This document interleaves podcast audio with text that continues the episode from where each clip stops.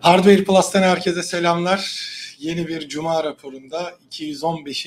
bölümünde her zaman olduğu gibi Ersin abiyle beraberiz. Nasılsın abi? Nasıl geçti tatilin? Gayet iyi Aydoğan. Tatil işte biliyorsun muhabbeti zaten. Yani bizim tatil şey İzmir'e git gel tatili. Ee, annemi gördüm geldim. Sen de gittin geldin galiba değil mi? Sen de Evet. İstanbul'dasın şu anda. İstanbul Evet. stüdyolarına gemiye döndük yani. Aynen öyle. Tatil bitti zaten. Dün bugün gördüğüm kadarıyla her yer çalışıyor. Hatta çarşamba günü ben İzmir'den yola çıkarken geriye doğru gelirken de İzmir'de her yerde açılmaya falan başlamıştı. Dinlendik diyelim, dinlenmiş olalım. Ee, işte insanlar daha uzun süre tatil yaptılar, daha uzun süre dinlendiler. Denize giren çıkan çok oldu maşallah ne güzel. Ee, bundan sonra artık e, önümüzdeki maçlara bakacağız. Öyle şey yapmak, isimlendirmek lazım diye. Aynen öyle yani bayram tatili e, bir bakıma tabii iyi oldu işte ben de akrabalarımı vesaire görmüş oldum. Biraz böyle yoğun geçti. Pazartesi gidip işte dün döndük. E, her Ama gün bir yerde. daha böyle kısıtlı bir zaman dilimindeydi seninki. Evet hani hem işte trafiktir vesairedir falan hiç dert olmasın diye biraz bekledik. İşte pazartesi günü e, İzmir'e geçip akşamına Aydın'a geçtik. Salı günü Kuşadası'na geçtik gibi böyle sürekli dönerek geçti ama yani güzel oldu en azından. Şimdi yine çok güzel konuların var. Konulardan bir tanesi ve en baştaki bence çok önemli James Webb Uzay Teleskobu ile ilgili. Herhalde arkadaşlarımızın hepsi zaten duymuşlardır, okumuşlardır, biliyorlardır. Ona geçmeden önce Ahmet Cahan bize Evet. e, yeni üye oldu yayından önce. O Ahmet'e hoş geldin diyelim. E, sonrasında Aydoğan bu geçen haftaki Cuma raporunu canlı sunduğumdan sonra ben katıl grubundaki falan arkadaşlarla yazıştım. Herkes Cuma raporlarının canlı olmasını çok şey yapıyor. Ne derler pozitif karşılıyor. Benim aklımda niyeyse biz Cuma raporunu canlı yaptığımız zaman arkadaşlarımızdan, izleyicilerimizden e, eleştiri alıyoruz diye kalmıştı. Geçmişteki yaptığımız canlı yayınlarda. O yüzden lütfen bu yayını canlı olarak izleyen, sonradan izleyen arkadaşlarımız yorumları falan fikirlerini şey yaparlarsa, belirtirlerse çok seviniriz. Çünkü biz böyle tatildi bilmem neydi falan olan zamanlarda kendimizi çok zorlayarak e, canlı yapmamaya çalışıyoruz Evet. Cuma raporunu. E, ama eğer şeyse yani arkadaşlarımızın benim tahmin ettiğim gibi büyük bir itirazları yoksa o zaman biz de Cuma raporları konusunda böyle biraz daha şey yapalım. Yani canlıya daha çok yer verelim. Çünkü e, izleyicilerimiz bilmiyor ama Cuma raporu bizim beş iş günümüzden bir tanesini Cuma raporunu tamamen alıyor. Yani Cuma günü ofisteki herkes hatta yemeklerimizi yapan abla bile Gülcan ablamız bile e, kendini Cuma raporuna göre organize etmek zorunda kalıyor. Evet. E, o yüzden hani e, yüzde yirmilik bir iş gücümüzü alıyor Cuma raporu bizim. Herhalde yaptığımız işler arasında bu kadar zamanımızı alan, bu kadar e, efor sarf etmemize neden olan başka bir iş yok diye tahmin ediyorum. Bunu ayda bir kere falan böyle cuma canlıya almak iyi bir fikir olabilir mi? Arkadaşlarımız lütfen hem chatte şu anda canlı yayında mesela Suat demiş ki canlı her zaman bence daha iyidir demiş eyvallah. Hem de daha sonra izleyenler yorumlar kısmında fikirlerini bizimle paylaşırlarsa çok mutlu oluruz diyelim ve senin şey yaptığın belirlediğin konulardan ilkiyle biraz önce de söylediğim gibi James Webb Uzay Tele şey, Teleskobu'yla bugünkü Cuma raporumuzu, 215. Cuma raporumuzu açalım Aydo. Açalım abi. Biliyorsunuz James Webb Uzay Teleskobu e, uzaya derinliklerine gönderilen bir e, teleskop olarak geçiyordu.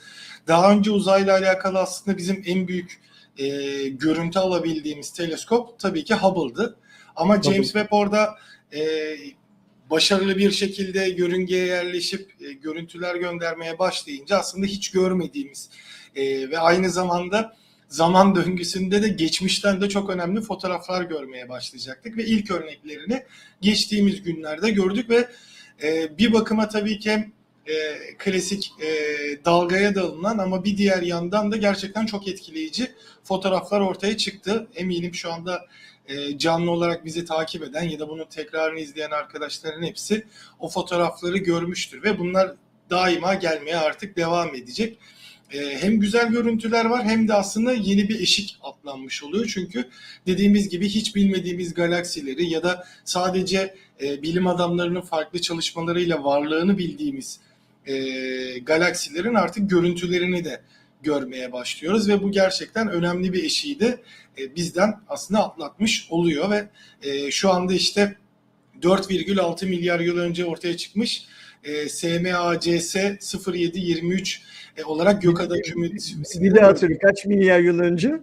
4,6 milyar yıl önce yani hani aklımızın hayalimizin almayacağı şeyler. Onu da kısaca anlatmak gerekirse hani nasıl 4,6 milyar yıl öncesini görebiliyoruz diye aslında burada hep ışık e, yılı dediğimiz ya da ışığın hareket etme ışık hızı dediğimiz durum var. Sen ne kadar uzağa çekersen e, o çektiğin görüntüdeki senin gözüne yansıyan ya da işte teleskoba yansıyan ışık e, geldiği süre boyunca zaman geçmiş oluyor o ışık e, teleskoba gelene kadar ve buradan aslında ne kadar geçmişi çektiğimizi görüyoruz ve dediğimiz gibi aslında her çekilen fotoğraf karesi e, geçmişi gösterir. Sen ne kadar yakındaysan tabii ki o milisaniyelerle olur ama işte bu kadar eskiyi de görme şansını e, yakalamış oluyoruz. İnsanlık için tabii ki çok önemli. Ee, senin de söylediğin gibi işte Hubble'dan sonra James Webb zaten e, yanlış hatırlamıyorsam 14 ya da 15 yıllık değil mi? 14 yıllık bir geliştirme süreci sonra hazırlanan bir teleskoptu. Ve bizim e, uzayın bilinmeyen yönlerini anlamamız için belki değil ama görebilmemiz için çok büyük umutlarla şey yapılmıştı, gönderilmişti. Bu gelen görüntülerin en bir önemli özelliklerinden birisi de e, ilk geçtiği renkli görüntüler olması. Chat'te Enes de Enes Yıldız da konuyla ilgili e, teknik bazı bilgiler veriyor sağ olsun. Merak eden arkadaşlar Enes'in şeylerini de okusunlar. Bu tabii Aydoğan şöyle bir hikaye var. Hani bu hep konuştuğumuz bugüne kadar onlarca şarkıya, yüzlerce romanda bir kesite ya da işte binlerce sanat eserinde şey yapan e, karşımıza çıkan hani insanın aslında evrendeki e, önemsizliğiyle de alakalı bir şey. Çünkü e, Hubble ve James Webb gibi şeylerden, teleskoplardan aldığımız e, bilgiler gösteriyor ki biz e, tahmin edebileceğimiz uzaklıklar filan değil bunlar. Yani rakamsal olarak neyin ne olduğunu görüyoruz, anlıyoruz da kıyas yapabilme şansımız yok. Çünkü bizim en bildiğimiz şey, aklımıza en çok yatabilecek olan şey Ay ile dünyanın arasındaki mesafe mesela. O da Evet. bildiğimizden değil, kıyaslayabilmek adına. Çünkü dünyanın çevresini de döndürmek açısından kaç ne uzunluğunun ne olduğunu anlamak açısından çok şey değiliz. Yani hiçbirimizin öyle bir yolculuk yapmıştı. Hani 80 günde devre alem var ya öyle bir yolculuğa bile çıkmışlığımız yok aslında hiçbirimizin. Ve bir tır şoförünün filan teorik olarak e, ömrü hayatı boyunca kaç kilometre yol yaptığını filan da bilmiyoruz. E, hesaplayamıyoruz böyle şeyleri. O yüzden çok uzak mesafelerden bahsediyoruz tabii. İşte yüksek sadakatin de hani haydi gel içelim de bu evrende bir tozsun Evet. e, dediği hikayeyi tüm çıplaklığıyla yüzümüze vuran fotoğraflar bunlar aynı zamanda. O kompozisyonda dünyayı göremiyoruz. Dünyanın büyüklüğünü algılayamıyoruz bile şey olarak. E, Kesinlikle. ben bir saniye sessize alacağım. Bir saniye. Tamam. Ee, Sen, ha, şimdi sen döndü. devam ses. et lütfen. Tamam. Sen devam et lütfen. Ee, Ersin abi söylediğinde kesinlikle haklı çünkü şöyle de bir e, şey var işte hani insan yılı dediğimiz ya da yaşam yılımız şu anda ortalama 70 e, küsür yıllarda geçen bir durum. Hadi 100'e ve 110'lara falan çıkanı görüyoruz en fazla. E şimdi burada söylediğimiz şeyler milyar yıllık şeyler ya da e, biz sadece işte özellikle bu tatil döneminde birçok insan sahilde böyle çok ışığın olmadığı bir yerden gökyüzüne baktığında zaten orada onlarca binlerce yıldızı görmüştün. Onun çok daha gelişini görebilmek de e, tam da senin söylediğin gibi hani yüksek sadakatin o ne kadar toz olduğumuzu ya da e, aslında nasıl bir küçük bir e, varlık olduğumuzu bir kere daha bizlere gösteriyor. Yıllar filan bizim e, şey yapabildiğimiz e, kafamızın basabileceği süreler değil Aydoğan. Çünkü şunu da tam olarak bilmiyoruz. Yani mesela e, atıyorum Çamlıca Tepesi İstanbul'da yaşayanlar için yaşının ne olduğu konusunda tabii ki bilimsel çalışmalar şunlar bunlar filan var da sokaktaki adamın bildiği şeyler değil bu ya da e, şeyde okulda öğretilen bir şey değil. Yani işte bizim kullandığımız takvim sistemi 2022'de şu anda İsa'nın doğduğu günden itibaren varsayılan takvim, takvim sistemini kullanıyoruz ya. Evet. Hazreti İsa'nın. Ve 2000 yıl neve senin biraz önce söylediğin e, milyar yıllar neve. Yani hani Evet. bunu kıyaslayabilecek şeye de sahip değiliz. E, nasıl söyleyeyim sana?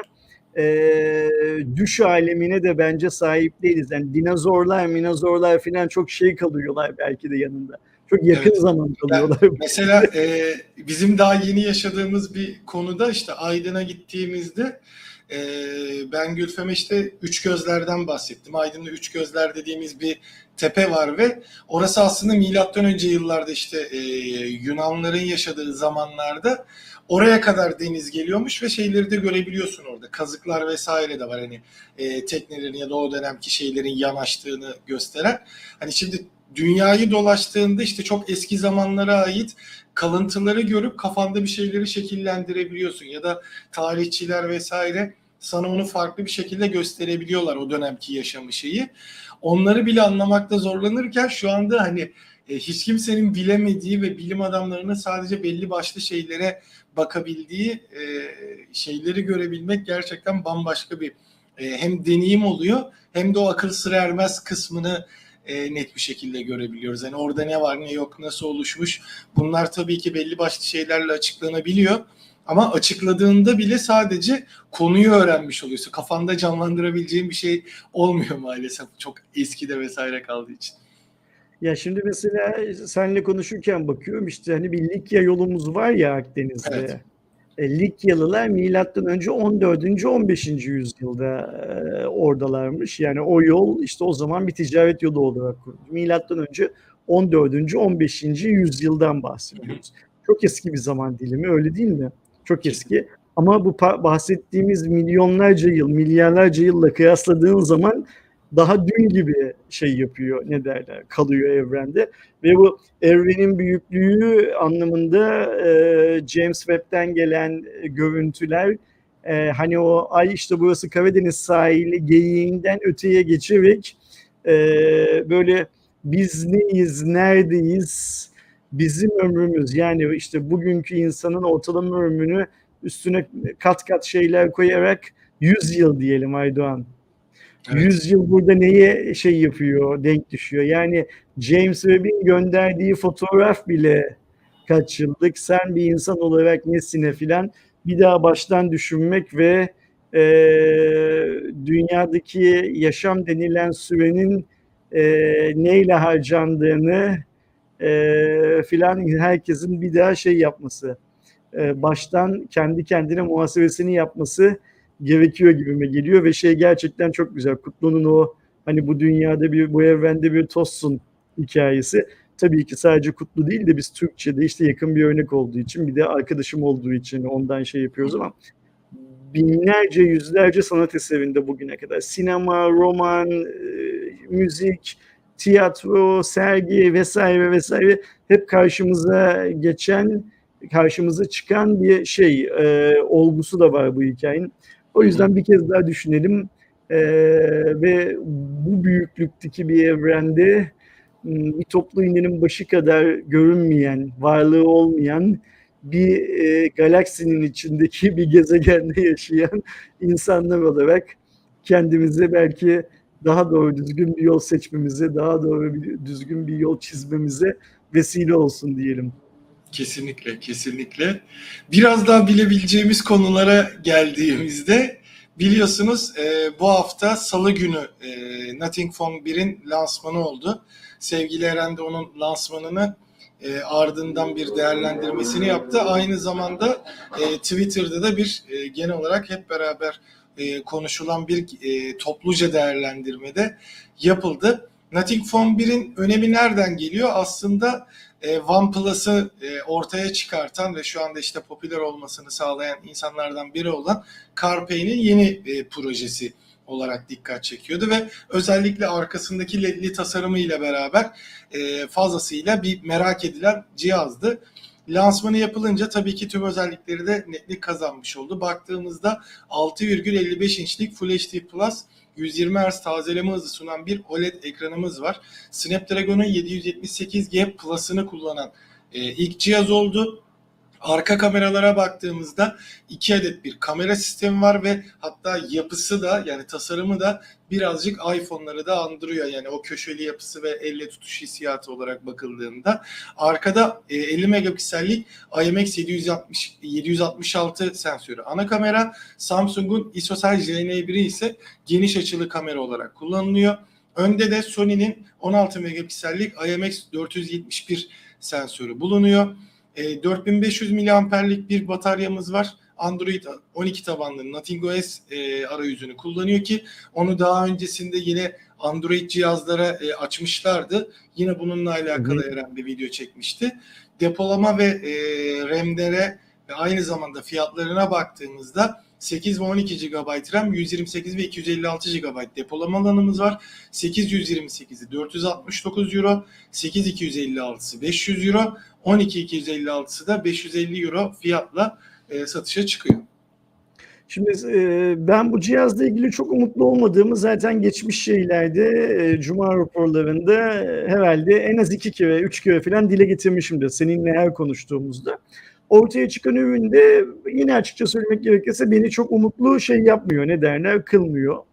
E, senin de söylediğin gibi e, Twitter'da, Space'te bunu arkadaşlarla konuştuk. O yüzden geçmiş haftalarda ya lütfen Hardware Plus'ın Twitter hesabını en azından şey yapın, takip edin dememin nedenlerinden birisi buydu. Bundan sonra böyle Twitter aksiyonlarımız daha da çoğalacak. Daha da çok yapmaya çalışacağız. Eren de katıldı bize, haklısın. Çünkü Eren zaten bu e, telefon konusunda daha ilk sızıntıların olduğu günden beri çok yakından şey yapan, takip eden Nothing Phone'un mesela ben bilmiyordum. Bu Twitter yayınında önüm Türkiye'deki fan grubunun da Facebook'taki fan grubunun da yöneticisiymiş bizim hemen aynı Hmm. zamanda. Hı hı. Ee, Türkiye'de bu konuyu en yakından takip eden adamlardan birisi olduğu için biz sözü tamamen Eren'e bıraktık ve Eren bildiği her şeyi anlattı. İşte niye Apple'la iPhone'la kıyaslanıyor bilmem ne filan gibi bazı soruları da kendimizce herkes kendi kafasından geçen fikirleri söylemeye çalıştı. Ve en sonunda da yayını şeyle bitirdik Aydoğan. Ee, inşallah hani bu işte belli zaman dilimlerinde dünyanın belli ülkelerinde satışa çıkacak ya o takvime Türkiye'de eklenir. Biz Nothing Phone'un Türkiye ofisini de açtığını yine Cuma raporunda duyururuz. Bunu da konuşuruz filan filan diye de bitirdik. Güzel bir hikaye oldu. Buna rağmen tabii ki yeni marka önemli sektörde. Yani beni çok heveslendirmese de ben tabii ki Nothing Phone'un başarılı olmasını, işte hedefleri neyse o hedeflere ulaşmasını isterim. Çünkü rekabet döner dolaşır mutlaka Ersin'e, Aydoğan'a, bu yayını izleyen insanlara şey yapar, faydası bulunur. Bu arada Oğuzhan e, Cuma raporu eşliğinde mutfağı topluyormuş. E, Cuma raporunu dinlerken bir yandan düşün. Bu arada Yusuf İpek diye bir arkadaşımız varmış bizim Aydoğan, katıl üyemiz. E, Rakkate nickli. İlk defa canlı yayına katılmış kendisi de. Nitekim ben de kendisinin adını ilk defa duyuyor, görüyorum zaten. Geçmişte hiç böyle YouTube videolarımızın altındaki yorumlarda filan da karşılaştığımızı hatırlamıyorum Yusuf'la. O yüzden iyi olmuş e, canlı yayın yapmamız. Bizim Osman da şeyi izliyor, canlı yayını izliyor gördüğüm kadarıyla. Haberin var mı bilmiyorum ama Osman İstanbul'a taşındı. Ankara'dan İstanbul'a taşındı. Yakında da e, evlenecek diye biliyorum. Çok yakın bir gelecekte de evlenecek ve bu hafta önümüzdeki hafta içinde filan da bir şey getirebilirse, denk düşürebilirse mutlaka şey yapacak. E, bizim ofise uğrayacak diyelim. Sen haberlerden devam et. Ben böyle chatte yakaladığım şeylerle yine araya girip çıkmaya devam edip çalışacağım. Tamamdır abi. Biliyorsunuz e, Snapdragon 8 Gen 1 e, dünya genelinde çok fazla cihazda kullanıldı ve en başta dikkat çeken şeylerden biri verimlilik konusundaki sıkıntısı özellikle ısınma e, değerleriydi. Bununla alakalı çok fazla eleştiri yönünde aldı. Ki Snapdragon 800 serisinde daha önce de böyle sorunlar görüyorduk. Ama en azından iyi tarafından bakılacak olursa o thermal throttling dediğimiz yani aşırı ısınmadan kaynaklı performans düşüşü çok fazla 8 Gen 1'de gözlemlenmedi. Sadece çok e, stabil gitmediği görülüyordu ve işte bu verimlilik konusunda ya da enerji tüketimi konusunda belli başlı eleştiriler alıyordu. E, bunun üzerine şu andaki söylentilere göre Qualcomm'un e, 8 Gen 1'de e, üretim ortağı olarak seçtiği Samsung Foundry yerine e, tekrardan TSMC'ye geçerek aslında yeni nesil ya da 8 Gen 2 ile başlayacak olan yeni nesilde TSMC ile beraber e, çalışması e, öngörülüyor. Çünkü e, önemli olan bir işlemcide tabii ki e, nanometrik sürecinde o küçülmesi tabii ki önemli ki Samsung'u tercih etmelerindeki en önemli sebeplerden biri buydu. Ama şu anda e, onun e, tersine işte bu ısınma vesaire gibi sorunlar da ortaya çıkınca e, yönünü biraz daha TSMC'ye çeviriyor gibi görünüyor. E, Qualcomm ya da hatta Snapdragon'u ayrı bir marka olarak konumlandırdığını düşünürsek Snapdragon'un diyebiliriz. Yani burada önemli olan şey şu Aydoğan, hani bunu Samsung mu kötü üretti? Yoksa burada mühendislik anlamında bazı sorunlar mı var? Yani nanometre küçültmek bilmem ne yapmak öyle o kadar küçük, o kadar kolay işler değiller en nihayetinde.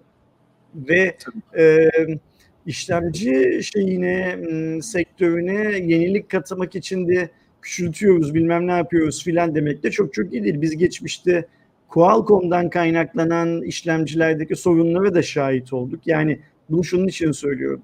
Üreticiyi Samsung'dan al, üretimi Samsung'dan almakla sorun çözülecek mi tamamen? Bilmiyoruz ne olacağını. Ama e, işte deniyorlar bir şeyler. E, bakalım nasıl sonuçlanacak?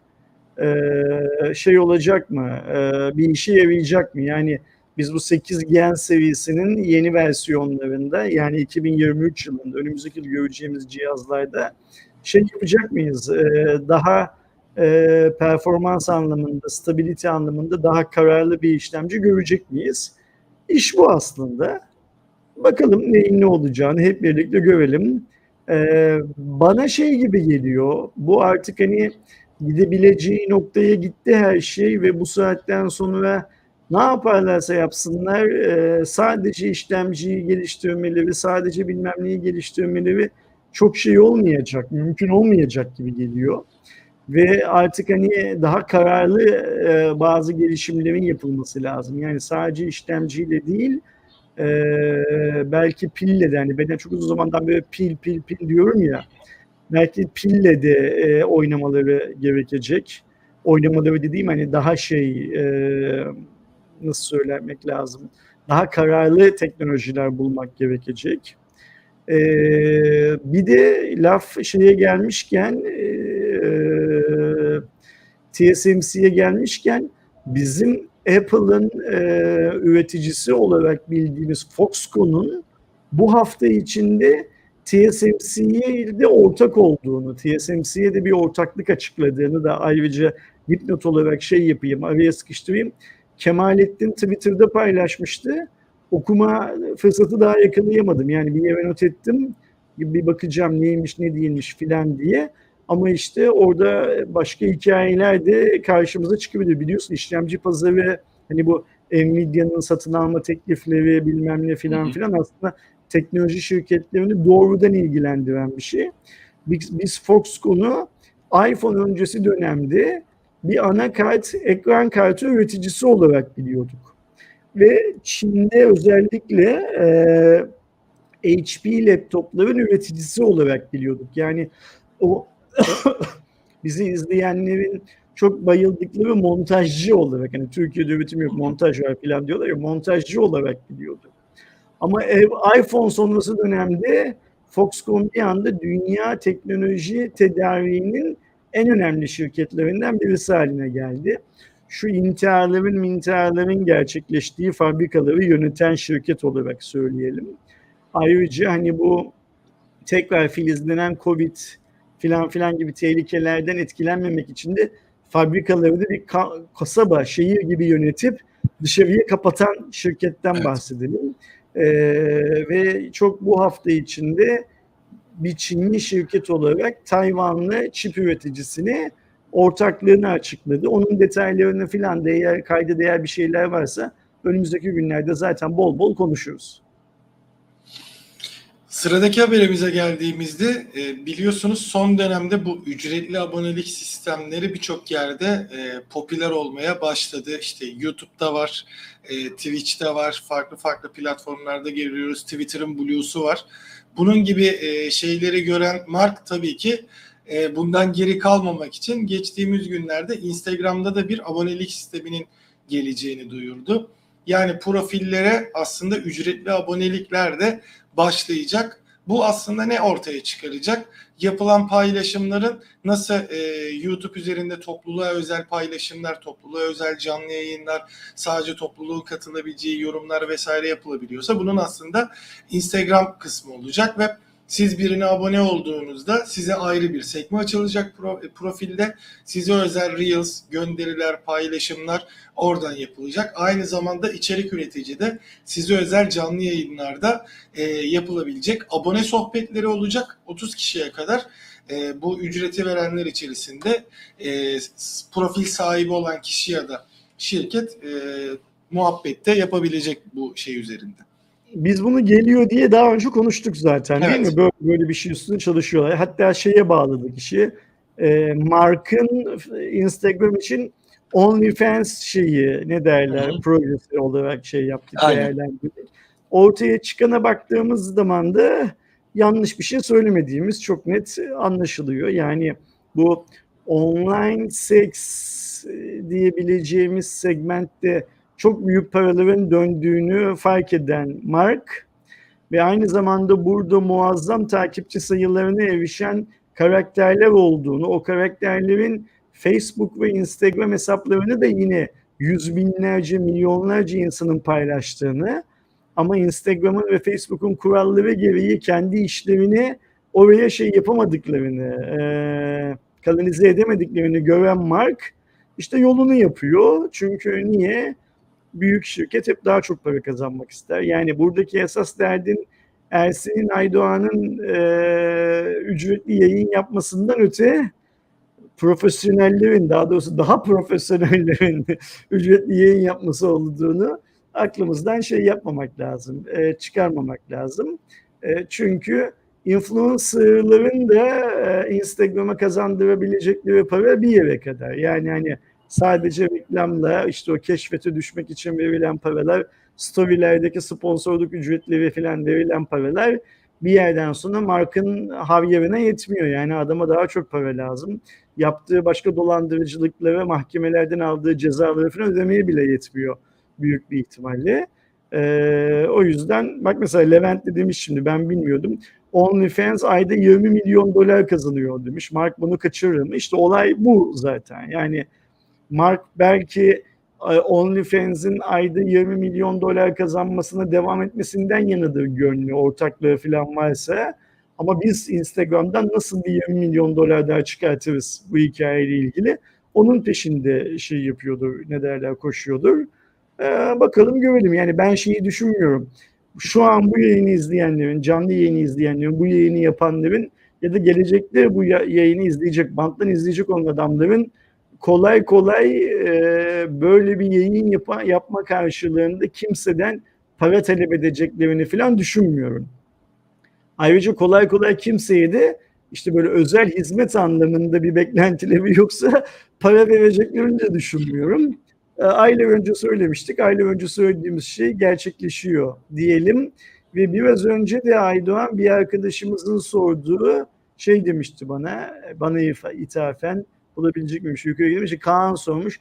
Ersin abi Xiaomi'nin bir senede 3 tane amiral gemisi telefon çıkarmasına ne diyeceksin? Bunlara çip krizi uğramadı mı sorusuna cevap olabilecek ya da o soruyu destekleyeceğini varsaydığımız bir başka haberle devam edelim şeye konuya. Evet, e, Xiaomi'nin özellikle geçtiğimiz sene bayağı e, dikkat çekici olan Lite serisine tabii ki beklenildiği gibi Xiaomi 12 Lite da eklenmiş oldu ve e, senin de ve e, arkadaşımızın da söylediği gibi aslında bir diğer yandan Xiaomi'nin 12 serisi ayrı, 12S serisi ayrı, 12T serisi ayrı bir şekilde geliyor. Burada işte parantez içinde sen söylemişken onu da eklemiş olayım. 12T Pro'nun da e, Xiaomi'nin ilk 200 megapiksellik bir sensör kullanacağı telefon olacağı söyleniyor ve evet gerçekten 3 büyük e, seriyle devam edecek gibi görünüyor şu an için Xiaomi. 12 Lite'a geri döndüğümüzde 6,55 inçlik Full HD Plus AMOLED bir ekranı var. Snapdragon 778G kullanıyor. E, 108 megapiksellik ana, 8 ultra geniş, 2 megapiksellik makro arka 32 megapiksellik ön kamerası var. 67 wattla şarj olan e, 4300 miliamperlikte bir bataryası mevcut. 628, 828 ve 8256'lık e, RAM ve depolama seçenekleri bulunurken e, stereo hoparlörü eklediğini görüyoruz. Parmak izi okuyucusu ekran altında ve e, Android 12 tabanlı MIUI 13 ile beraber gelecek. Fiyatlara baktığımızda 628 400, e, 828 450, 8256'sı ise 500 dolar fiyatlı. Burada bir de şeyi de görüyoruz aslında fiyat bazında da özellik bazında da hatta boyut bazında da Nothing Phone'la e, birebir rakip bir e, telefon. daha olacak. ucuz. Tam onu söyleyecektim. Nothing Phone'dan daha ucuz görünüyor şu anki fiyatlarda. E, böyle de bir e, şey ortaya çıktı ki Light'ın işte dediğim gibi performansını gördükten sonra hani bunun neler sunacağını da çok büyük ihtimalle bu da Türkiye'ye gelecektir e, yakın gelecekte E, biz de görmüş oluruz. Şimdi Kaan'ın sorduğu soruya da şöyle bir cevap verelim. Hani diyor ya bu adamlara çip krizi uğramadı mı diye sormuş Xiaomi kastediyor. Dünyadaki telefon satış rakamlarına bakacak olursak arkadaşlar Kaan sana hitaben de söylüyorum tabii ki. Çip krizinden dünyada en büyük darbeyi alan marka Xiaomi. Yani çip krizi yüzünden çok pozitif giden, dünyanın her yerinde pozitif giden satışları Xiaomi'nin düştü. Geçen yıl bariz bu yıl yüzden düştü. Bu yılda toplayamıyorlar çünkü e, fiyat olarak da iyi fiyatlar sunamıyorlar artık dünyanın her yerinde.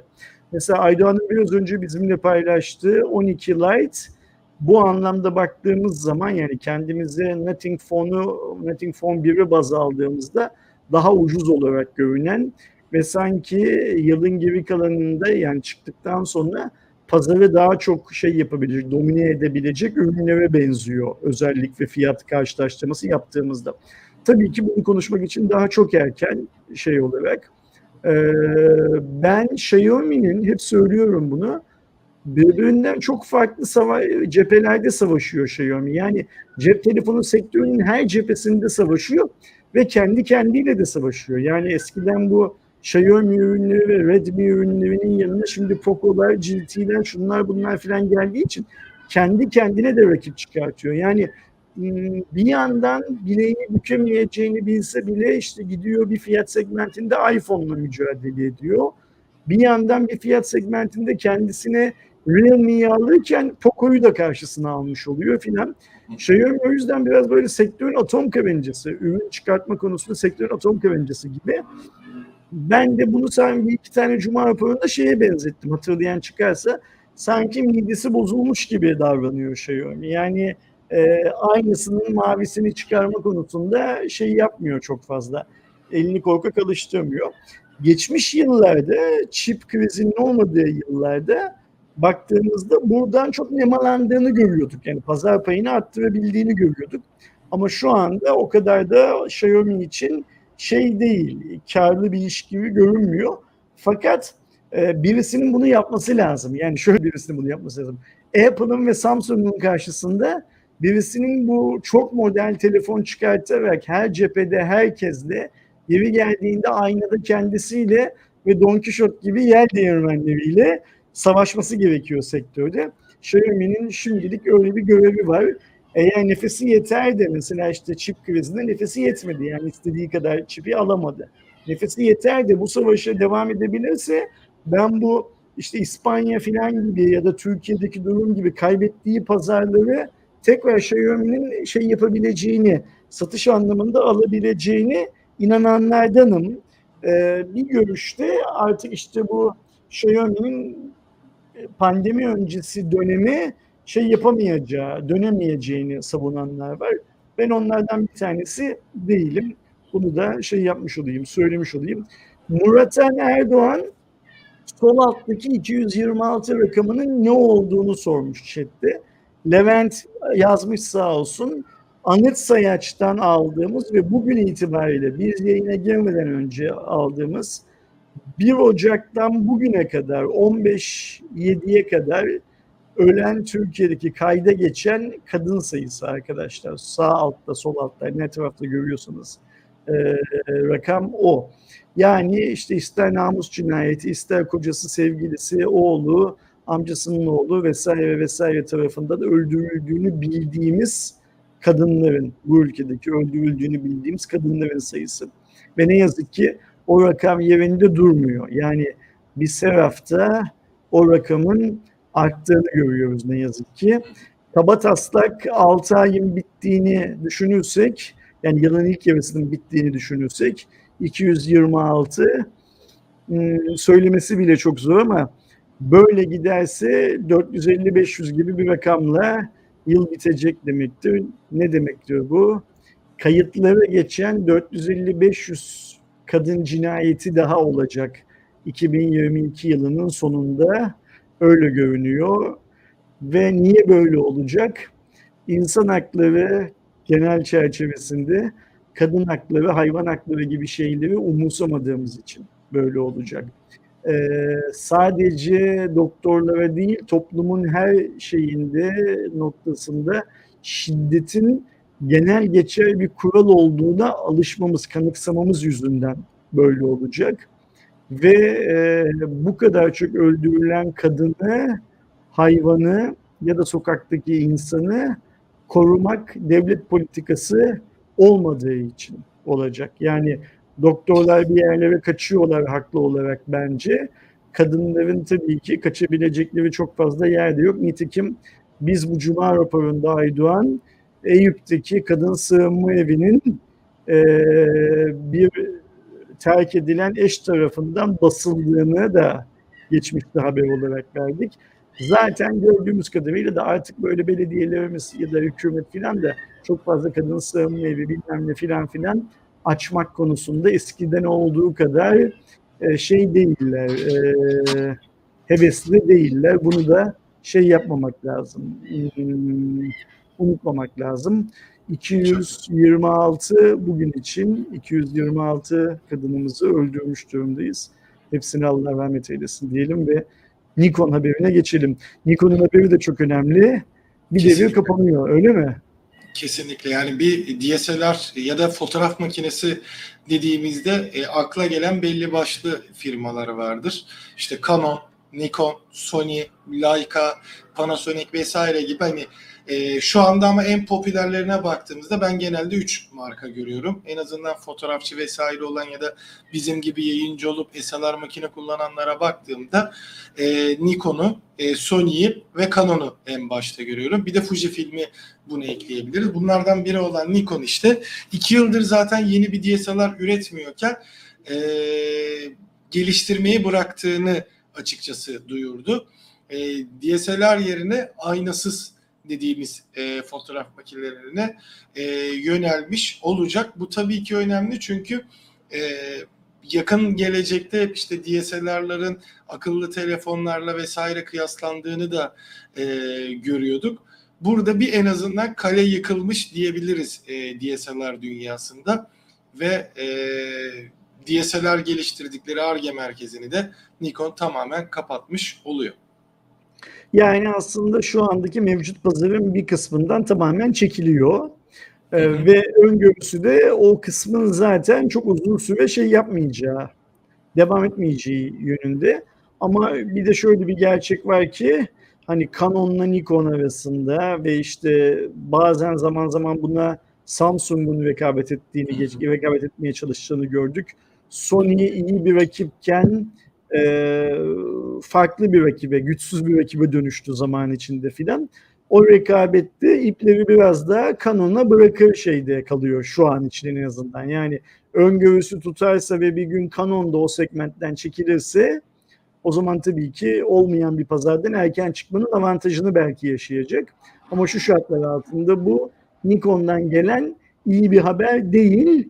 Bir de DSLR dediğimiz işin sonuna mı gelindi sorularının bir daha şey yapılması e, konuşuldu. Çünkü DSLR SLR'in yerini tutacak mıyı konuşuyorduk bundan yaklaşık 10 yıl önce. Hatırlıyorum biz Hardware Plus dergisini ilk çıkarttığımız zamanlarda 2013 yılında bunu konuşuyorduk. Şimdi işte e, o SLR'in yerini tutacak mı dijital versiyonu dediğimizden tutmayacak mı acaba'yı konuşacağız demek ki bir sürede. Ee, burada hiç şeyi unutmamak lazım. Bu hikayede tabii ki cep telefonlarının, kameralarının yükselen performanslarının da bir şeyi var, etkisi var. Bunu da şey yapmamak, akıldan çıkarmamak lazım. Kesinlikle yani ufak tefek zaten e, SLR'larla ya da DSLR'larla çekilen fotoğraflarda da e, belli başlı bir fotoğraf geliştirme yaparak aslında birçok yerde ürünleri görüyoruz ama son dönemde tabii ki üzerinde işlenmiş olsa da Huawei'den, Apple'dan, işte Oppo'dan e, yapılan bu dış e, reklam panolarında da o telefonlarla çekilen fotoğrafların aslında ne kadar kaliteli çekebildiğini gösteren e, şeyler görmeye başladık. Ve gerçekten hani işin birazcık da aslında tüketim tarafında hızlı tüketime geçmesinin de durumu var. Çünkü hani şunu yapıp e, tuşa basmakla işte e, boynundan ya da çantasından çıkartıp orada işte pozunu ayarlayıp vesaire yapmanın da e, arası çok açılmaya başladı. Ya da sokak fotoğrafçılığı dediğimiz, hobi fotoğrafçılığı dediğimiz birçok şeyde e, hala daha tabii ki SLR, DSLR makineler alıp bu işi yapan e, birçok insan var. Ama bir diğer yandan bu mobil fotoğrafçılık dediğimiz şekilde de artışlar e, devam ediyor. E, bunun da tabii ki şeyi olacaktır. Acaba ileride şey olabilir mi? E, mesela bu Leica Xiaomi ya da daha önceki Huawei ortaklığından ziyade asıl fonksiyonu bu zamanında Samsung'da vesaire gördüğümüz kamera olup üzerine telefon fonksiyonu eklenilmiş cihazların e, fotoğraf maki firmaları tarafından işte mesela Nikon e, ilerleyen dönemde bu tarz bir telefon ya da işte dediğim gibi iletişim fonksiyonu da olabilecek bir kamera çıkartmaya yönelir mi bu kadar küçük lenslerle vesaire diye de beni düşündürmüyor değil. Artık o tren kaçtı büyük bir ihtimalle. O bundan 10 yıl önce, en geç 10 yıl önce denenmesi gereken, hatta mümkünse 20 yıl önce falan denenmesi gereken bir şeydi. Ee, onu da hatta döndü yine cep telefonu şirketleri ağırlıklı olarak denemeye çalıştılar o formu da. Ama şeylerin, e, fotoğraf makinesi üreticilerinin geç kaldığı bir hikaye olarak düşünüyorum onu. Ee, gel şey yapalım Nikon'dan tekrar çağımızın, günümüzün vebası Covid-19'a doğru geçelim. Geçelim. Ya biliyorsunuz ki şu anda eminim e, yayını izleyen herkesin de çevresinde en az bir kişi tekrar bir e, Covid e, kaptığına. E, Şu anda günlük rakam açıklanmıyor değil mi?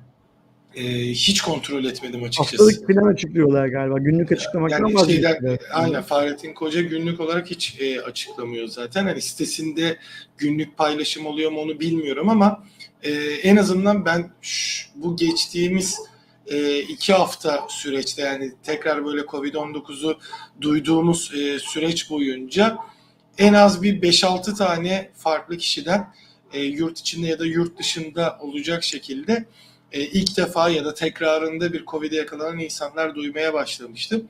Bununla alakalı da e, 4 Temmuz'dan itibaren e, 65 yaş üstüne e, 6. doz, geri kalan herkes için 4. doz randevuları da açılmış oldu. E, dileyen e, herkes tekrar bir aşı olabilir. Büyük ihtimalle ben de yakın zamanda e, 4. doz için bir randevu alırım diye düşünüyorum. Ve Ben bu dozu bu arada baktım. Biontech ya da Sinovac olarak seçebiliyorlar. Ben haberi duyar duymaz hemen girdim baktım. Benim daha son aşıdan bugüne 6. ayım geçmediği için şu anda randevu Bende de alamıyorum. Önümüzdeki hafta Perşembe ya da Cuma günü yani bu bir hafta sonra randevu alabilir duruma geleceğim. Ve kısmetse e, randevu bana açılır açılmaz hemen ilk gün ilk boşlukta e, randevusunu alıp gidip o hatırlatma dozu denilen dördüncü doz, beşinci doz, onuncu doz her neyse olmaya şey yapacağım ne derler çalışacağım. Legalize It Nickli arkadaşımız demiş ki şu anda günlük ortalama 16 bin civarında demiş. Yüksek bir rakam tabii ki bu. Yani hani e, biz e, bu rakamların açıklandığı dönemlerde evlerde oturduğumuzu filan da hatırlıyoruz galiba değil mi? O dönemde yine böyle rakamlar yani bundan da çok çok daha fazla, beş misli daha fazla rakamlar değildi. E, sokağa Evet. çıkma yasaklarının filan olduğunda. Ki bu e, Legalize It'in paylaştığı 16 bin rakamını şimdi bir de bu bayram sonrasındaki önümüzdeki haftanın sonuna doğru filan bir kez daha bakmak lazım. E, ne olduğunu, ne şey yaptığını, nasıl geliştiğini. Aman dikkat arkadaşlar. E, hani ma- malum işte bu virüsten kurtulmanın hani çok doğru bir şey yaptık. Şöyle çok doğru bir şey yaptık. İsimlendirdik bunu en başında. Maske, mesafe, hijyen diye isimlendirdik. Bu üçü dışında herhangi bir yolu yöntemi henüz yok. Aşı da artık eee, dünyadaki her aşı kadar güvenli, Dünya Sağlık Örgütü'nün onayladığı, yapılmasına izin verdiği ve teşvik ettiği bir aşı. Bunu da şeyden çıkarmayalım. Yani şunu belki salgının ilk zamanlarında bilmiyorduk. Hani aşıyı olduktan 20 yıl sonra pipimiz düşecek mi? Bunu belki bilmiyorduk. Ama artık düşmeyeceği biliniyor. Yani endişeye mahal yok. Evet. Sakin sakin gidip aşı randevusu olan herkes, aşı olmaya hakkı olan herkes aşı olabilir bence. Evet. Bu arada 4-10 Temmuz arasında da 117 bin açıklanmış vaka sayısı. 31 vefat, 61 binde iyileşen e, olarak şey olmuş. Sevindirici olan tek şey şu, vefat sayıları da azaldı ve hastanelere başvuran insan sayısı da azaldı. Çünkü deniliyor ki, işte hani şehir efsaneleri gibi deniliyor ki e, bu kadar çok insan birinci, ikinci, üçüncü dozu olunca mikrobun öldüğüle, öldürme gücü de bloke edilmiş oldu. Hiç aşı olmayan bir adama bulaştığında büyük hasarlar verebilecekken ve Allah korusun öldürebilecekken işte birinci, ikinci ya da üçüncü dozu olan birisine bulaştığında daha az etkili olabiliyor aşı bazı bünyelerde filan filan. Ne mutlu bu da e, işte hani kötünün iyisi olarak isimlendirebileceğimiz bir senaryo aslında. Zaten şimdi işte BA4, BA5 şeklinde e, varyantları da e, bayağı şey var. E, bakalım yani e, bir süre daha böyle gidecek gibi ama işte e, aşıların etkisiyle vesaire e, nasıl bir hal alacak onu da göreceğiz. Bu işte bu aşağıda Abdullah'ın yorumu gibi. Yani Abdullah'ın bir önceki yorumunda diyor ki hiç aşı olmamıştım. Dört gün önce Covid oldum ama turp gibiyim. Hiçbir şeyim yok neredeyse diyor ve devamındaki mesajında da diyor ki bu arada ilk kez kaptım. Yani maskesiz zaten çıkmam dışarı. Toplu taşıma hiç kullanmadım ama yine de kaptım. İşte insanlar yine de ne kadar dikkat ederlerse etsinler yine de kapıyorlar. Böyle bir evreden geçiyoruz. O yüzden dikkatli olmakta fayda var. Ee, sıradaki haberimize geldiğimizde ise e, dünyanın e, en çok satılan bilgisayar markaları e, açıklanmış oldu. Ve e, bu listeye baktığımızda e, liderliğin şu anda, gerçi bu özellikle hem shipment bazında hem de tabii ki pazar payı yani aslında e, tamamıyla satılan değil e, marketlerde bulabileceğimiz kısmının olduğunu söylemek lazım. Birinci sırada 24,8 e, market payıyla pazar payıyla Lenovo. İkinci sırada %18,8 pazar payıyla HP. Üçüncü sırada çok yakın bir değerle %18,5'la Dell. E, Apple'ın %8,8 e, Acer'ın 7,1, Asus'un 6,5, diğerlerinin de 15,5 olarak listelendiğini görüyoruz. Ya ben bu listede e, Huawei'nin de olması gerektiğini düşünürdüm mesela. Yani şu liste açıklanmadan önce bana sorsaydılar herhalde Huawei'de bu liste yani diğerleriyle en sonuncu olan Acer'dı galiba değil mi en sonuncu olan listede? Ee, Acer'ın da Asus. Asus. Asus. Asus'la diğerleri arasında biz şeyi de Huawei'yi de görürüz derdim. Çünkü Huawei sadece Türkiye'de ya da sadece kıta Avrupa'sında değil dünyanın her yerinde son bir buçuk yıldır e, peynir ekmek gibi laptop satıyor. Bunu kabul etmek lazım. Peynir ekmek gibi sattığı için de yeni model çıkartma konusunda elini hiç korkak alıştırmıyor. İnsanlar bir e, Huawei laptopu tanımaya başladılar, almaya başladılar. Listede niye yok bilmiyorum. Ee, bir de beni başka şaşırtan şeylerden birisi de e, tabii ki Apple'ın bu listede olmasına şaşırmam. Ama bu kadar yukarıda olmasına şaşır, şaşırıyorum mesela. Bir de e, Apple'ın şöyle bir avantajı var. E, geçen sene yani 2021'in e, şu anki durumu Q2'ye göre e, 2021'i kıyasladığımızda tek artış e, yapan markada %9,3 ile Apple. E, Lenovo'nun %12,5, HP'nin %27,5 gibi bir e, düşüşü var e, hı. artışa nazaran. Bu da bir farklı bir anekdot olarak duruyor. Hepsinde bir gerileme varken Apple Düşüş artışa nedeni- devam ediyor. Düşüş nedenini de şöyle açıklayayım. Bir sonraki haberimize geçelim. Bu pandemi döneminde e, cep telefonu şirketleri ve bilgisayar şirketleri, masaüstü, laptop fark etmez çok fazla satış yaptılar. Hı hı. İşte gerek hani toplantıların evden yapılması, gerek eğitim vesaire vesaire şeyler yüzünden çok fazla satış yaptılar. Ve o satış sonrasında gelen yılda zaten satışların düşeceğini bekliyorlardı. Evet. Nitekim düştü de. Burada sürpriz olan e, diğerlerinin düşerken Apple'ınkinin düşmemiş olması. Apple nasıl yaptıysa e, o pandemi etkisi geçtikten sonra da bir önceki yıl çok olan satışlarından daha çok satmayı becerebildi. Yani düşmediği gibi arttırmayı da şey yaptı. Sanırım Ben- burada bu işlemci işlemci falan Heh, hikayesini tamam, tam olarak onu diyecektim.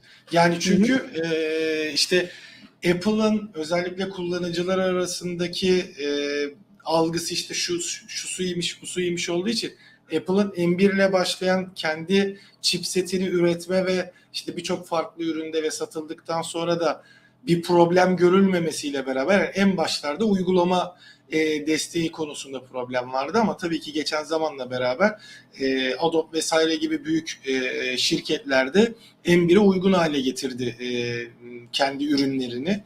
Bunun etkisinin önemli bir e, artısı olduğunu düşünüyorum ben de. İşte M1'li Air, M1'li Pro vesaireyi şimdi M2'lisi Türkiye'de satışa çıktı. Oradaki algının güzel bir avantaj yakaladığını e, düşünüyorum. Çok haklısın. Gelelim bu haftaki Cuma raporumuzun son haberi mi bu? Yok. Yok e, değil, son değil. Hayır, Okey, son, tamam. son üçüncü. Sondan üçüncü. Tamam. Sondan üçüncü haberimize geldiğimizde aslında yine bu bilgisayar pazarı ile alakalı e, çip krizi vesaire vesaireden bahsederken e, Nikkei Asia'ya göre Intel'in de bu yıl içerisinde yonga seti fiyatlarını ya da yonga, ürettiği yongaların fiyatlarını yükseltmeyi e, planlıyor ve bunun sebebi de aslında maliyetinin artmış olması olarak da e, vurgulanıyor ve bunu sadece işte klasik işlemci vesaire değil sunucu işlemcileri ve aynı zamanda e, özellikle laptoplarda çok fazla gördüğümüz yani AMD işlemci kullanmasına rağmen Wi-Fi tarafında Wi-Fi 6, 6E gibi çözümlerin Intel e, modemiyle, minik modemleriyle kullanıldığını görüyoruz. Bunda da e, yansıyacağı söyleniyor ve rapora göre %10 ve %20 arasında da bir artış olabileceği söyleniyor. Intel e, çözümleri için demek daha doğru olur sanırım. Şimdi burada tabii ki şöyle bir hikaye var. Yani Intel zaten bu fiyatları hiçbir zaman sabit tutmuyordu. Arttırıyordu yıldan yıla. Özellikle işte yeni ve e, nesil işlemci olduğu zaman daha çok arttırıyordu.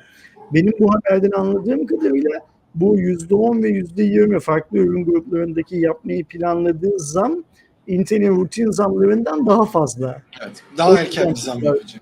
daha erken bir zam, daha fazla oransal olarak da daha fazla bir zam. O yüzden bu kadar çok konuşuluyor galiba. Bir de bu senin söylediğin AMD işlemci bile kullansa Intel modem, Intel Wi-Fi e, şeyi e, yarı iletkeni çipi kullanması hikayesinde de şöyle bir şey var. Bildiğimiz gibi Apple yakın zamanda e, bu 5G ile ilgili filan yaptığı çalışmaların tamamını çalışanlarıyla ve lisanslarıyla birlikte e, pardon Intel Apple'a satmıştı. E, yani oradaki ARGE'den, araştırma geliştirmeden tamamen çekilmişti. 5G konusundaki ağ iletişimi anlamında yaptığı her şeyi. E, nitekim işte o Intel çalışanları bir günde yatıp ertesi sabah Apple çalışanı olarak dünyanın her yerinde şey yaptılar, e, uyandılar. Ve tahminimce biz bu satıştan sonra işte Apple lansmanlarında bir Türk'ün de kablosuz ağlarla ilgili filan daha önce Intel'de çalışan bir Türk'ün de kablosuz ağlarla vesaire vesaire ilgili sunum yaptığını görmeye başladık Evet. şey anlamında. Çünkü lisansı, argeyi, beyni, lisansları her şeyi satmış olmasına rağmen Apple, Intel tabii ki hala bunları Apple'dan üretim bazlı olarak geriye kiralayıp kendi üretimini yapmaya yani e, entelektüel haklarını satsa da fiziki olarak o ürünlerin bir kısmını üretmeye de devam ediyor. Bu da demektir ki sadece e, Aydoğan'ın söylediği gibi laptoplarda, şurada burada sunucularda filan değil, önümüzdeki yıl çıkacak olan e, modemlerde, 5G destekli modemlerde ve şu an aklımıza gelmeyecek olan birçok farklı aparatta bile Intel'in yaptığı bu zammın etkilerini büyük bir ihtimalle göreceğiz. Çünkü Intel hala orada çok büyük bir üretici. Kesinlikle. Kablosuz veri transferi konusunda hala dünyada çok büyük bir üretici. Bunu unutmamak lazım. Ya çözümlerindeki e, şeyin ne kadar başarılı olduğu da zaten görünüyor. Bu fiyatların artması e, Intel ürünün daha az görmemize mi sebep olacak? E, ama öyle bir ihtimal çok düşük olduğu için büyük ihtimalle farklı şekilde artık daha yüksek fiyatlarında global piyasada ortaya çıkma ihtimali var. Ee, diğer haberimize geldiğimizde biliyorsunuz Netflix'in özellikle reklamlı ve çok daha uygun fiyatlı bir e, sisteminin hep geleceği konuşulmuştu. Netflix kendi de açıklamıştı ve bununla alakalı Microsoft'la ortaklık kurdukları da ayrıca e, açıklandı. Küresel reklam satış ve teknoloji ortağı olarak e, bir işbirliğine gidiyorlar. Bu da demek oluyor ki aslında Netflix'in reklamlı versiyonlarındaki Versiyon hazır yani.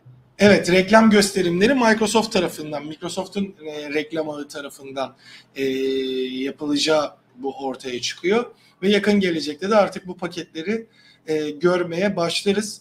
E, bir diğer yandan tabii ki Netflix e, yakın zamanda çok fazla abone kaybetmeye de e, başladı. E, Türkiye'de de baktığımızda insanların artık hani yeni içerik görememekten ya da çok beğenmemekten farklı farklı nedenlerle ya da işte rakiplerinin çok fazla artmış olması sebeplerle e, Netflix'ten e, ayrılmalar da görüyoruz. Bunu birazcık önüne geçmek için ayarlanıyor bu durum.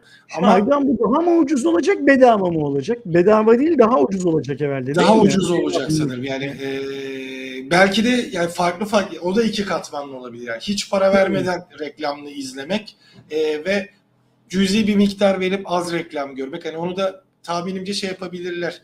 Örneğin e, klasik TV izlemek gibi e, normal karasal yayın izlemek gibi her bölüm arasına ya da bölümlerde böyle müsait yerlere reklam koyulabilir belki. E, sen para verirsen sadece alt band reklam görürsün. Hiç vermezsen her yaptığın adımda vesaire olabilir. Ona Az da- az çoktan çok alıyorlar diyorsun yani. Ama nasıl bir e, sonuç olacak tabii ki onu göreceğiz. Bunlar tabii ki Netflix'in tükenişleri yani mesela e, e, dibe vurduğu nokta La Casa de Papel'in bir de Korecesini, Kore versiyonu çekelim noktası değil. Daha kötü günleri de görecektik. Nitekim görüyoruz işte yani bu tavşadan, ta, şapkadan çıkartılan bu tavşanların hepsi platformun aslında e, ayakta kalabilmek için, karlılığını koruyabilmek için yaptığı işler. Nitekim Netflix'in e, borsadaki Hatırlar mısın Erdoğan bilmiyorum. Yani pandemi öncesi dönemde ben bir cuma raporunda Amerika'daki çok ünlü spekülatörlerden birisinin ben elimdeki tüm Netflix hisselerini sattım dediğini şey yapmıştım. Ne derler söylemiştim. Ve bunun gerçekten e, böyle bir satış şeyi e, silsilesine neden olmasını e, da filan anlatmıştık. Şu anda da Netflix hisse senetleri böyle çok iyi bir performans göstermiyor. Çünkü artık o hani cicim ayları bitti deriz ya Türkçe'de biz. O dönem bitti. İzleyiciyle Netflix arasındaki cicim ayları bitti gerçekten. Ama burada daha garip bir şey var Aydoğan. Şimdi Microsoft e, Netflix için dünyanın her yerinde reklam toplayacak ya kaba tabiriyle. Bu şu an bugün konuştuğumuz haber. Şimdi Microsoft bu reklam işine ne zaman girmişti? Bir onu hatırlayalım. Ee, MSN portali yayına geçtiği zaman girmişti Microsoft bu reklam işine. Yani 2005'ler, 2006'lar falan gibi yanlış hatırlamıyorsam ilk işe alımlar başlamıştı. O zamanlarda Google'da e, daha yeni yeni arama motoru konusunda liderliğini perçinliyordu. Ve Microsoft'un kurduğu bu reklam ekibi hem işte Hotmail'e ve yüzünde şurada burada filan yani tüm Microsoft ekosistemindeki reklam slotlarını dolduracaktı. Hem de bu dünyanın her yerinde o ülkenin diliyle yayın yapması planlanan MSN portalini reklamlarla şey yapacaktı, destekleyecekti. Buradaki amaç neydi? Ee, Microsoft'un bu uzun yıllar boyunca hayalini kurduğu tarayıcıdaki pazar liderliğini devam ettiremiyordu. Ama bari reklam konusundaki her şeyi Google'a kaptırmayacaktı. Kaba taslak olarak şey buydu. Şimdi üzerinden 14 yıl 15 yıl geçti. Geldiğimiz noktada Microsoft online reklamların çok küçük bir kısmını elinde tutabiliyor. Yani oradaki amacına ulaşamadı. Çoğu yaptığı Microsoft'un iş gibi bu da sonuca ermedi, nihayete ermedi ve Microsoft için çok karlı bir iş kolu haline dünyanın hiçbir yerinde gelemedi. Sadece Türkiye değil gelemedi. Bugün kaçımızın aklına internete reklam vermek tabiri geldiği zaman Google'a ya da YouTube'a değil de Microsoft'un reklam ağına reklam vermek geliyor. Hiç kimsenin doğru düzgün gelmiyor. Ve e, Netflix burada e, liderle çalışamadı. Amerika'da bu böyle anlatılıyor şu anda. Yani Microsoft'la Netflix'in yaptığı anlaşma böyle bir kaybedenler kulübü anlaşması gibi isimlendiriliyor. Yani şey deniyor değil mi abi? Doğru anladıysam şimdi anlatımından. Netflix Google'la anlaşamadığı için Microsoft'a çalışıyor. aynen öyle. Çünkü Google'ın Netflix'le anlaşmaya ihtiyacı yok zaten. Google zaten orada bütün parayı kendi cebine indiriyor yani aramadan, YouTube'dan vesaire vesaire. Niye oradaki geliri Netflix gibi bir şirketle paylaşacak olsun ki? Google böyle bir anlaşmayı bugüne kadar kimle kimseyle yaptı mı? Kimseyle yapmadı. O yüzden de Google'ın yani Netflix'in ihtiyacı olan şeyi Google'ın ihtiyacı yoktu. O yüzden anlaşmadılar. Büyük bir ihtimalle Netflix gitti Google'a deniyor eski Google ve Netflix çalışanları da gitmediğini iddia etmiyorlar zaten e, konuşabildikleri oranda. Ama kimin buna ihtiyacı var bu anlaşmaya? Netflix'in ihtiyacı var ve Microsoft'un ihtiyacı var. Microsoft'un da açıkça söylemek gerekirse para toplayamayan bir reklam ekibi var şu anda dünyanın her yerinde. Para toplayamayan bir reklam ekosistemi var. İşte Microsoft için ikinci bir şans, Netflix için e, belki kurtuluş anlamına gelen bir anlaşmadan bahsediyoruz. Ve tabii ki şey hiç bilmeden bunu konuşuyoruz. İnsanlar bu paralı ya da işte biraz önce Aydoğan'ın söylediği gibi az paralı, çok paralı aboneliğe nasıl bakacaklar? Yani mesela şimdi benim buradaki derdim şu arkadaşlar esas. Aydoğan reklamlı aboneliğe geçecek mi? Beni o ilgilendiriyor. Çünkü Aydoğan'ın reklamlı aboneliğe geçmesi demek benim de otomatik olarak reklamlı aboneliğe geçmem anlamına geliyor. Ve umuyorum ki Aydoğan geçmeyecek reklamlı aboneliğe. Geçecek misin? Yani şu anda öyle bir planım yok. Tabii Ne ki kadar fiyat düşerse geçersin. Yani mesela şu an 10 lira ödüyorum 1 liraya düşerse geçerim gibi bir şey var mı kafanda? ya açıkçası şöyle e, fiyattan ziyade reklamlı sistemin de ne kadar e, rahatsız edici olduğu da önemli e, olacak. Ha, reklam nerede Neden- gösterecek? Altyazı mı olacak? Benim izlediğim şeyin arasında mı, önünde mi, sonunda mı değil mi? Aynen. YouTube reklamı gibi. Yani e, direkt mesela diyelim arada yarı yarıya fiyat farkı var ve çok rahatsız edici değil. İşte dizi sonlarında e, geçiş yaparken falan reklam geçiyorsa ve bunlar atlanabilir reklamlar vesaire gibi olursa e, geçebilirim ama e, çok sinir bozucu uzun uzun saçma sapan reklamlar dönüyorsa o zaman yani tamam ben bu parayı vermeye devam edeyim de hiç reklamla işim gücüm olmasın da diyebilirim. O sistem başladığında işte net bir şekilde Süper. Bunu duyduğumu çok sevindim. Söylediklerinden an bu adam zengin. Hayatta şeye geçmez. E, reklamlı aboneliğe geçmez. Hiç içimi rahatlatıyorsun Aydoğan. Sağ olasın. Çok teşekkür ederim. Ee, ya bir diğer yanda şey de olacak tabii ki Netflix'in bu işi ne kadar tutturduğu ya da nasıl yaptığı bence diğer platformlar için de bir e, örnek teşkil etmiş olacak. Belki onlar da işte ücretsiz ya da çok daha cüzi ücretli reklamlı versiyonları ortaya çıkarabilirler. Benim merak ettiğim şeylerden bir diğeri de bu sistem başladığında e, bu platforma kimler reklam verecek? Yani kimler için değerli bir e, şey olacak e, Netflix'e reklam vermek. Çünkü e, sadece kendi içinde kendi dizilerinin reklamlarını falan döndürecekse e, o ayrı bir dünya olacak. Ama işte büyük firmaların e, buraya reklam verdiği ya da yerelleştirme olacak mı mesela? Ben diyelim işte reklamlı aboneliğe geri dönüş yaptım. Benim karşıma e, Türkiye'de televizyonlarda gördüğüm reklamlar mı gelecek yoksa İngilizce hani e, alakasız reklamlarda mı olacak? Şimdi Deutsche Telekom'un reklamını sana göstermesinin bir mantığı Deutsche Telekom için diyor ki herhalde Turkcell reklamı gösterecek sana bana. Mantıklı olan bu olsa gerek öyle değil mi? Aynen. Yani onun bulut merak servisi ediyorum. konusunda belki dünyanın her yerinde hizmet veren bir bulut servisi belki aynen Google'da olduğu gibi bütün dünyayı hedefleyerek reklam çıkacaktır. Nitekim biz bu tarz reklamları e, Google'da görüyoruz, YouTube'da falan görüyoruz zaten. Ama bankalar, şunlar bunlar filan ona göre yapacaklar. Mahmut Esat'ın yorumuyla ilgili ne düşünüyorsun? Ya Mantıklı bunu bir sanki aslında. bana yaz, bunu bana, sana bana yazmış ama sanki sana öyle akıl veriyor. Yani işi aşamaya geldiği zaman diyor Aydo sen bu maaş zammı hikayesini bir gün- gündeme getir diyor bence sana. Mantıklıymış Mahmut'un dediği.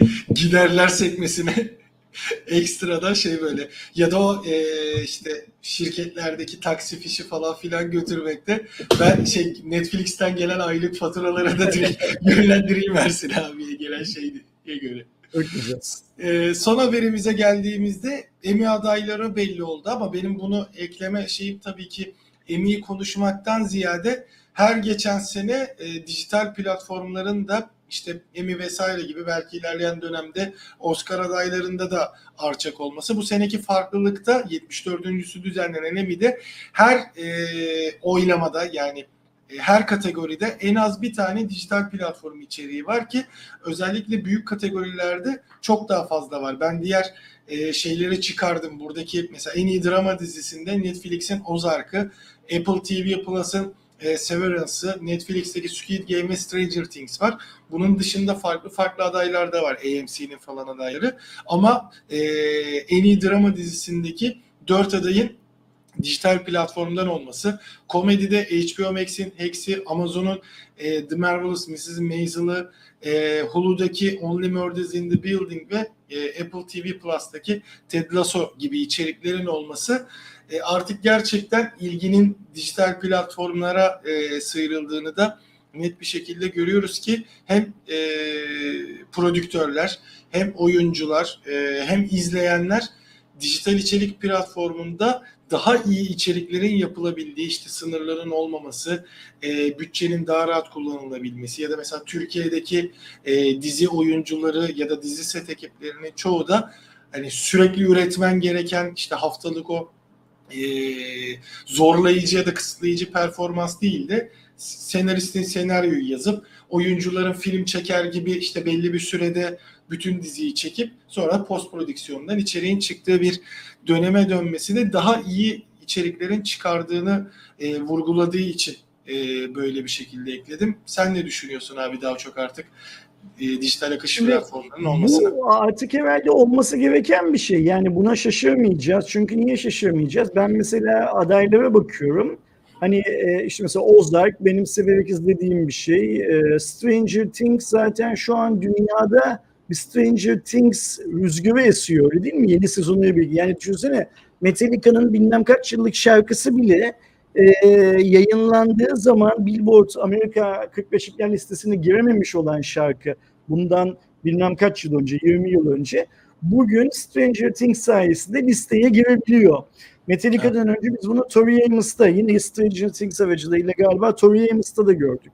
Ya da Squid Game yani hani ben beğenmedim ama dünya Squid Game hatta Squid diye game'in fake token'ı çıktı milyonlarca adamı dolandırdılar filan filan. Yani bunlar olurken dijital platformlarda Emin'in filan bunu görmemesi, dikkate almaması mümkün değildi. Ee, bak şimdi mesela işte sadece Billboard listesine girmek değil işte YouTube'daki izlenme oranları Metallica'nın e, YouTube'daki izlenme oranı bir hafta içinde normalde artması gerekenden bugüne kadar düzenli olarak arttığının 40 misli 50 misli falan artıyor. O yüzden çok normal bir şey. Ben buradan başka bir şeye konuyu getirmek istiyorum Aydoğan. Son haberimiz bu ama biraz galiba arkadaşlarımızın şey yapacağım, e, kafasını şişireceğim.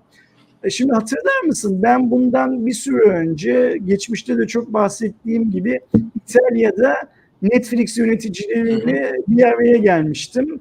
Ve orada işte kurucusu, içeriğin başındaki, hukuk başındaki filan filan insanlarla oturup konuşma şansı yakalamıştım. Bir ön Cuma raporunda da ne konuştuğumuzu bugüne kadar anlattım. Bu söylediğimi de anlatmıştım. Hatırlayacak mısın Aydoğan? Orada şimdi konuya baktım TED'de, TED Sarantos'la konuştuğumuz zaman Co-CEO and Chief Content Officer yani kurucu biliyorsunuz CEO e, Netflix'te e, Red, e, Red Hastings e, ya da Hastings nasıl okunduğunu bilmiyorum. Onunla birlikte CEO ve content'in başında TED.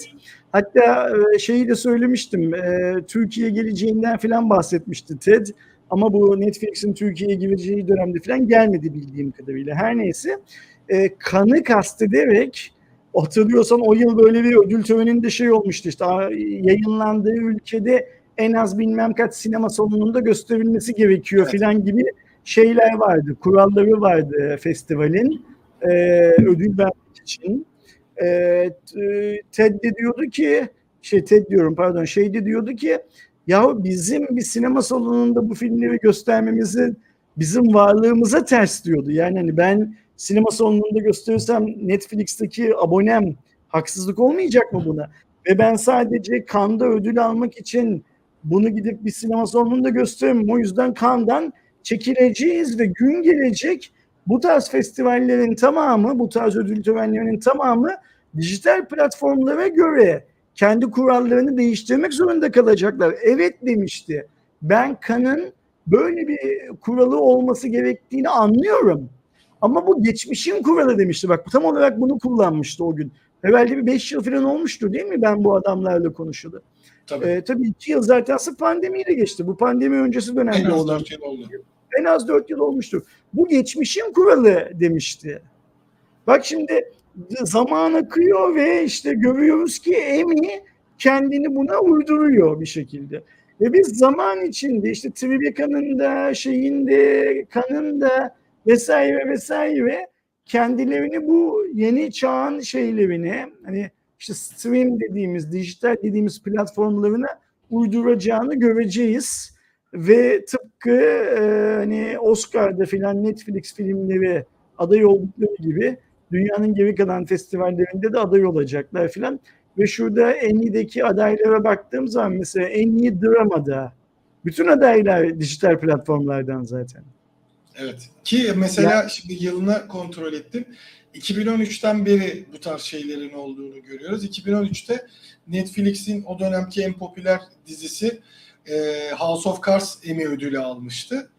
E, o günden bu yana zaten adaylıkları görüyoruz ama artık şeyde ilerleyen dönemde artık televizyonda yayınlanan bir içerikten ziyade dij, komple dijital içeriklerin aday olduğunu görebiliriz ve bu yavaş yavaş klasik TV alışkanlığını, klasik sinema alışkanlığını e, dijitale döndüğünü e, bizlere göstermeye başladı. Bu şöyle bir şey aslında. Sen ben ne kadar çok konuşuyoruz Netflix'i Cuma raporunda. Yani sadece Netflix'in dijital platformları.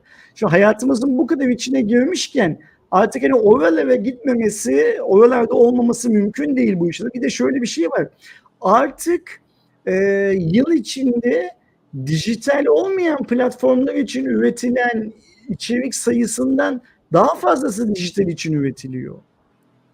Ve dijitalde üretilenin kaç izlendiğini, kaç saat izlendiğini falan ölçmek daha kolay. Yani bu aslında ödülü veren, e, yarışmayı organize eden kurumlar için de e, daha kolay ölçümlenebilecek bir hikaye.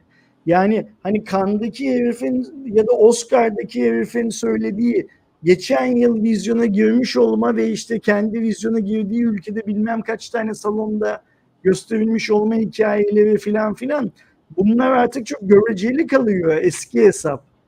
E, bilet sayısı bilmem ne filan.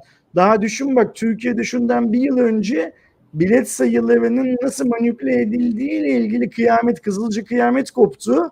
Sonra kendi aralarında öpüşüp koklaştılar, barıştılar ama o öpüşüp koklaştıkları ana kadar e, sanatçılar ve e, file, sinema salonu sahibi arasında nasıl kılıçlar çekildi hatırlamıyor musun? Evet, ki onun şu anda aslında Türkiye'de bir etkisini görüyoruz. Ee, örneğin ilk Disney Plus'ta biraz tabii ki dikkat çekti.